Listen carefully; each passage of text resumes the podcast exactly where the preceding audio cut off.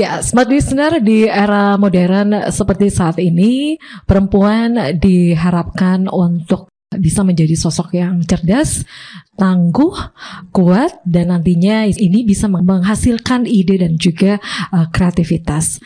Saya menghadirkan salah seorang perempuan yang dikenal dengan disiplin, tegas, dan juga dikenal dengan keramahan ya. Saya bersama dengan Ibu Aci Suleman, Kepala Dinas DP 3A Kota Makassar. Assalamualaikum warahmatullahi wabarakatuh. Waalaikumsalam warahmatullahi wabarakatuh, Mbak Mirsa serta pendengar smart listener di mana pun berada. Gimana kabarnya Bu? Alhamdulillah baik ya. di awal tahun ini meskipun cuacanya berubah-berubah ya, tapi yang diharapkan tidak berubah suasana hatinya. Tetap semangat Bu ya. Tetap semangat. ya. Oke, okay. dan uh, untuk hari ini Bu tentunya diharapkan untuk juga bisa memberikan inspirasi ya, sharing kepada perempuan-perempuan yang ada di Indonesia saat ini. Kita mempunyai tema bagaimana membangun perempuan yang cerdas dan juga tangguh tentunya ya. Kalau Ibu Aci saat ini melihat Bu, untuk perempuan-perempuan di Indonesia khususnya di Sulawesi Selatan di Makassar ini bagaimana Ibu melihatnya? Iya, tentunya perempuan mempunyai potensi yang sangat besar ya. Kalau kita lihat juga dengan jumlah penduduk, maka potensi perempuan ini sangat sangat sangat besar. Di mana jumlah penduduk untuk Kota Makassar sendiri memang untuk usia dewasa dalam hal ini punya potensi besar. Mm-hmm. Kalau kita lihat lagi jumlah penduduk dari usia anak, usia anak ini kan 18 tahun ke bawah, maka sepertiga dari jumlah usia penduduk itu adalah anak. Mm-hmm. Dan anak mempunyai potensi yang sangat besar yang harus berkembang juga cukup uh, bagus karena di era saat ini memang generasi emas yang sangat diharapkan. Kalau kita melihat lagi dari segi potensi perempuan ini sangat variatif dan dinamis ya. Tinggal bagaimana kita sebagai perempuan untuk bisa meningkatkan kapasitas perempuan. Uh, dalam hal ini di era digitalisasi tentunya juga perempuan diharapkan memang mampu menyesuaikan dengan perkembangan zaman, utamanya untuk pengasuhan positif pada anak. Iya. Jadi uh, kalau saya ditanya lebih kepada melihat bahwa perempuan itu sebagai orang tua dalam keluarga, bagaimana dia memberikan pengasuhan yang positif untuk anak-anaknya, perempuan selain sebagai ibu dalam uh, rumah tangga, uh, perempuan juga sebagai madrasah pertama untuk anak-anaknya ketika anaknya baru lahir, maka pola untuk mendidik itu tergantung dari orang tuanya. Jadi madrasah pertama untuk anak-anaknya adalah ibu, ibu dan istri dalam keluarga. Ya, oke, okay. ini peran perempuan ini sangat luar biasa gitu ya menjadi madrasah pertama untuk anak-anaknya dan juga ini menjadi sosok penyemangat ya untuk keluarga tentunya. Tentu ini merupakan hal yang tidak mudah ya Ibu Aci ya kalau melihat untuk saat ini tantangan-tantangan para perempuan ini untuk bisa menjadi madrasah bagi anak-anak kemudian menjadi penyemangat ya untuk keluarga apa sih yang menjadi tantangan ibu untuk perempuan-perempuan? Iya, ya. tentunya tantangannya semakin semakin lama semakin berkembang iya. semakin besar juga tantangannya ya kalau kita lihat tantangan saat ini adalah kemampuan untuk berliterasi digital karena saat ini kita tidak pungkiri bahwa arus uh, digitalisasi sangat besar ya, malahan untuk mengkanter sendiri hoax-hoax yang masuk baik itu di media sosial ataupun di media lainnya ini juga merupakan tantangan terbesar.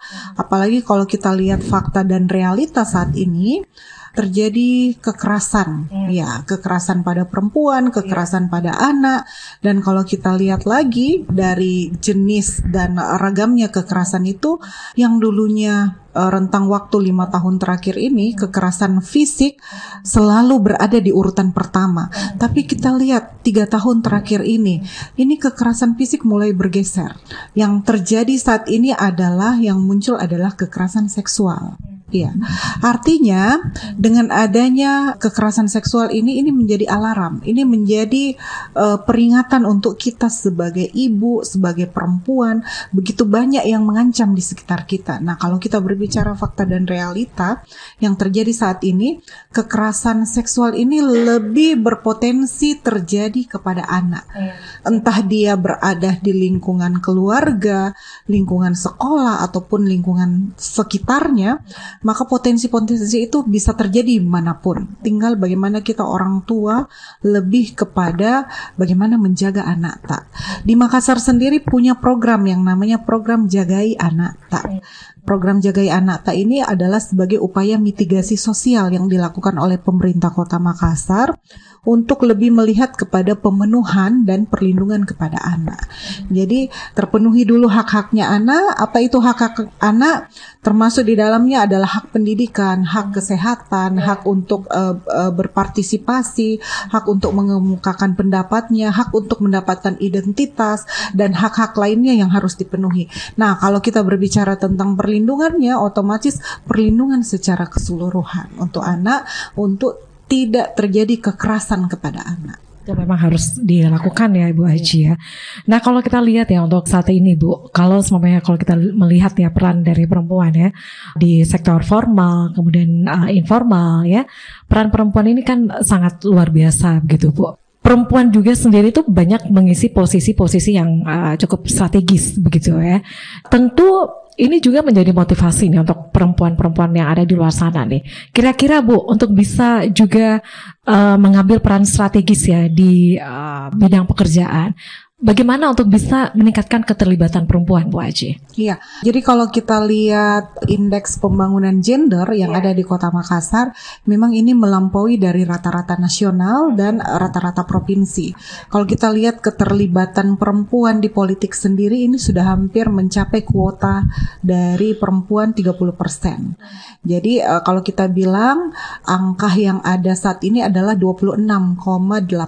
Artinya sedikit lagi untuk memenuhi memenuhi keterlibatan perempuan di partai politik. Ini juga kita berharap bahwa di tahun 2024 nantinya keterwakilan perempuan untuk masuk di DPR ini lebih besar lagi. Jadi otomatis ini kan yang tahu tentang isu permasalahan yang terjadi terhadap perempuan ini kan perempuan sendiri. Jadi bagaimana kita mendorong sesama perempuan untuk mereka masuk di dalam DPR sehingga suara-suara perempuan lebih didengar, didengar lebih terwakili nantinya.